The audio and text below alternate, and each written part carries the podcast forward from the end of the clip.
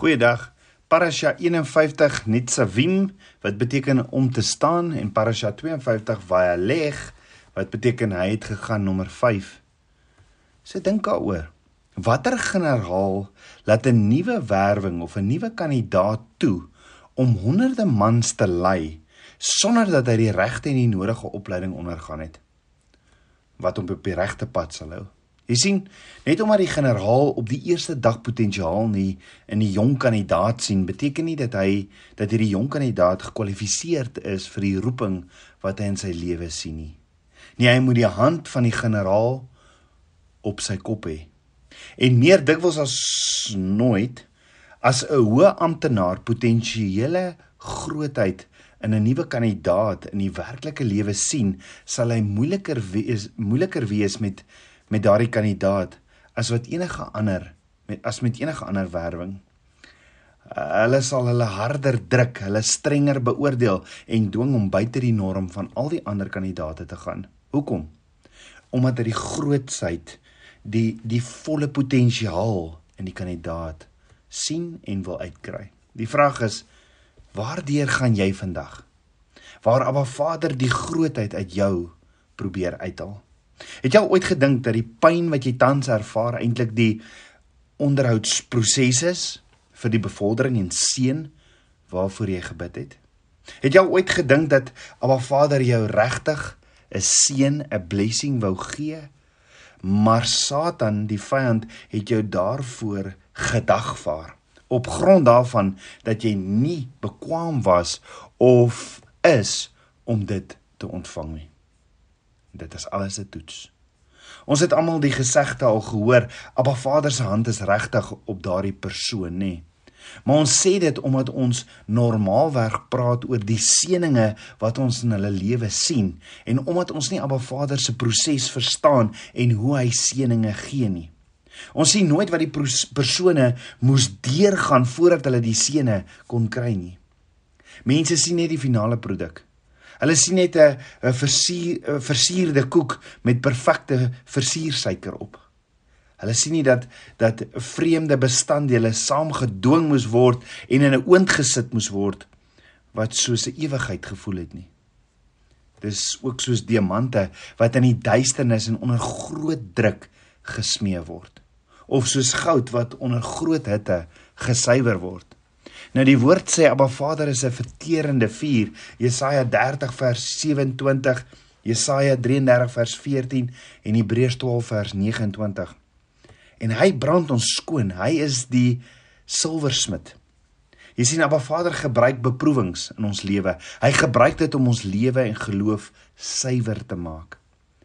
Wanneer 'n silversmid goed maak met silwer of silwer aanmaak, toets hy dit op 'n sekere manier om te kyk of dit suiwer genoeg is en wat hy sal doen is wanneer hierdie silwer warm is, kyk hy in dit om te kyk hoe sy beeld daar binne reflekteer. En as hy net 'n dowwe beeld van homself sien, dan draai hy die hitte aan sodat die onsuiverhede kan uitkom. Sodra hy dit in die so hy draai hy homself in dit sien en hy 'n mooi beeld van homself in dit sien, dan sê hy die silwer is reg om gebruik te word om goed te maak. Net so gebruik Abba Vader beproewings in my en jou lewe om ons geloof te suiwer. Elke keer kyk Abba Vader na my en jou as hy 'n dowwe beeld van homself in ons sien, dan laat hy toe dat daar dinge gebeur om hierdie hitte aan te sit sodat hy 'n duideliker beeld van homself kan sien. Jy sien hoe ons hierdie goed hanteer bepaal hoe lank ons daarin bly. Ons moet beproewings kan hanteer, anders sal ons nooit die rus van 'n Vader kan ervaar nie. Die woord van 'n Vader sê duidelik: "Abba Vader versoek jou nie. Abba Vader beproef jou nie, maar Abba Vader laat beproewings toe."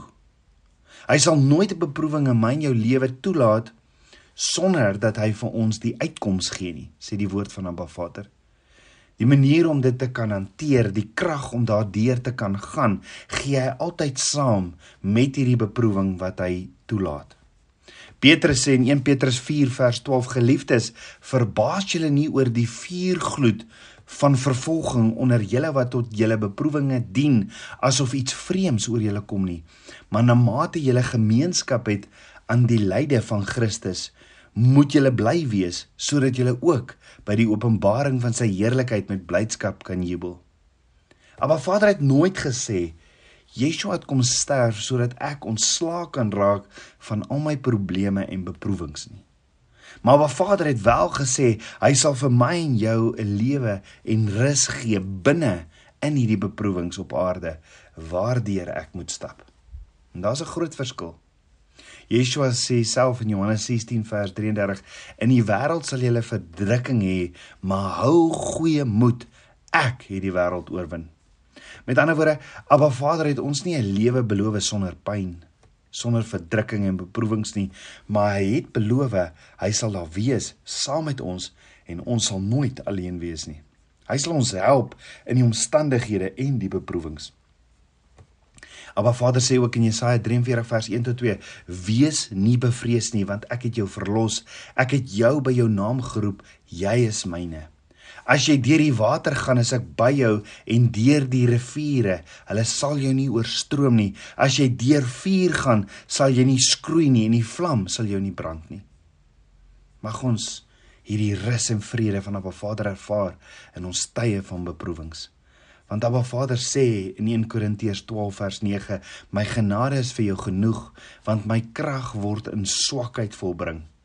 Baie liewer sal ek dus in my swakhede roem sodat die krag van Christus in my kan woon. Mag ons dus mag ons dus eerder in ons swakhede roem sodat die krag van Yeshua in ons kan woon.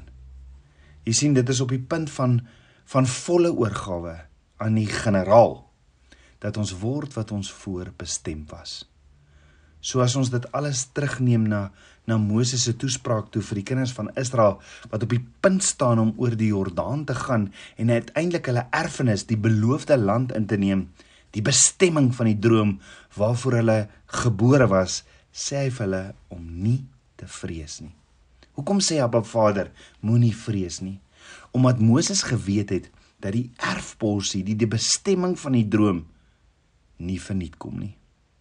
Alhoewel Abba Vader vir hulle gesê het dat hy die land aan hulle gaan gee, beteken dit nie dat hulle nie daarvoor hoef te veg nie of dat die sewe vyande van Joshua hulle dit nie net vir hulle gaan gee nie.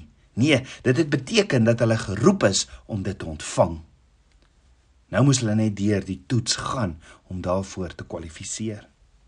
Dit is waarom Moses vir hulle en Joshua gesê het dat hulle nie bang hoef te wees nie, want Abba Vader sou met hulle wees. Om die waarheid te sê, Abba Vader het die mees vertroostende woorde in die hele woord vir hulle gegee, toe hy vir hulle sê hy sal hulle nooit verloon, verwerp of verlaat nie. Maak nie saak hoeveel reëse jy vandag in die gesig staar nie. Dit maak nie saak vir hoeveel versterkte mure soos die rondom Jerigo jy om jou bevind nie. Jy sal jou nooit hy Abba Vader sê jou nooit verlaat of verwerp nie. Hy is by jou. Jy skuil in sy skaduwee. Tabernakels kind van Abba. Hy berei vir jou seëninge voor en hy hou jou rug dop. Goedheid en guns is besig om jou te jaag. Hy sal jou nooit vir jou meer gee as wat jy nie kan hanteer nie. En net wanneer jy dink dat jy nie meer kan vat nie, kom hy altyd deur om vir jou sy groot liefde te wys. Dit is wat bedoel word met die vrees van Abba Vader. Om sy hand op ons lewens en sy woord so te respekteer dat ons ongeag die omstandighede doen wat hy sê en hom vertrou. Dit is die betekenis van vrees. Die Hebreë woord yare. Want in byna elke toets sal daar 'n doelgerigte element van ware vrees wees. Abba Vader laat die vyand toe om ons bang te maak deur 'n soort van potensiële of werklike scenario. Want Abba Abba Vader wil kyk of ons sy instruksies sal volg en op hom sal vertrou as daar koels op ons geskiet word. Die generaal sal miskien die grootheid van jou sien, maar dit moet 'n reële tyd op die slagveld bewys word. En dit is hier waar baie van ons so klaaglik misluk. Ons breek onder die geringste druk. Ons vou as dit moeilik gaan. As ons pyn het, pak ons op en gaan ons huis toe. Ons sukkel, ja, ons sukkel heavy met sterk wees en moed hou. En dit is presies waarom ons hemelse Vader ons in die vuur hou. Omdat ons geroep is om sterk te wees, maar in die gees. Hoe sterk is jy, Tabernakels kind van Abba? Hoe sterk is jy? Hoe sterk is jou geloof vandag? Moenie vergeet nie, toe die Israeliete uit Egipte gekom het, hulle slawe en arbeiders was. Hulle was hulle was slawe en arbeiders. Dit was deur die stryd, deur die woestyn en deur die hand van Abba Vader in hulle lewens dat hulle die magtigste leer ter wêreld geword het. Met ander woorde, ons moenie die situasie of selfs mense vrees nie. Die psalmdigter sê in Psalm 118 vers 6: Yahweh is vir my, ek sal nie vrees nie. Wat kan 'n mens aan my doen? Ons moet Abba Vader in die situasie vrees en vertrou. Ons moet ontsag hê vir Abba Vader. Ons moenie op onsself en ons eie krag vertrou nie, maar in die krag van Abba Vader. Abba Vader sê nie deur mag of deur krag van die mens nie, maar deur sy gees.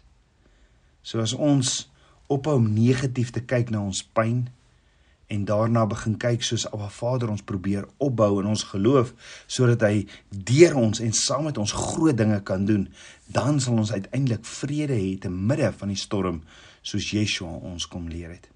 Dis hier waar ons sal verstaan hoe Yeshua op die boot geslaap het terwyl die storm oral rondom hom gewoed het. As ons regtig weet dat hy ons rig het, dat Abba Vader ons beskerm en dat hy ons nooit sal verwerp en verloon of sal verlaat nie, dan kom ons eintlik op die plek waar ons weet dat al wat ons hoef te doen is om net deur dit te gaan om daarby uit te kom. As jy deur groot pyn en deur vuur van die hel loop op die stadium en jy die vyand in die oë staar, neem asseblief die tyd om die vyand daaraan te herinner dat jy net daardeur trek. Maar hy gaan nou bly. Dit laat my dink aan die bekende spreekwoorde van Rocky Balboa wat gesê het: Life is not about how hard of a hit you can give, it's about how many you can take and still keep moving forward. Tabernakelskind van Abba. Hoeveel hou in die bokskruit van die lewe het jy al gekry? Baie nee. Abba Vader sê vandag vir jou, my kind, wees sterk en volmoed. Wees nie bevrees en word nie verskrik vir hulle nie. Want dit is ek, Jahweh Elohim, wat saam met jou trek. Ek sal jou nie begewe of verlaat nie. Hou goeie moed, my kind. Moenie tou opgee nie of kwot nie. Moenie 'n kwoter wees nie. Nee, wees 'n volger in geloof. Kom ons bid saam. Ons almagtige Vader, Papa God, dankie dat ons vanaand u woord, dat ons u woord kan bestudeer. Dankie vir u vir u waarheid. Vader, ek loof en ek prys u. Hoe groot is u, my God? Dankie vir u woord, dankie vir u waarheid. Vader, dankie dat u 'n bevel gee dat ons nie mag vrees nie. En dankie dat u hand op my is. Vader, Dankie dat U ons nooit sal begewe of verlaat nie. U is altyd met ons. Dankie dat ons onder U vlerke is en dat ons vir niks hoef te vrees nie. Alle voorsiening kom van U af. Alle beskerming, U is my beskermer. Dankie Vader. Ek eer U, ek loof U en ek prys U. Ek bid dit alles in Yeshua Messie se naam, die seun van Jahweh. Amen. Shalom.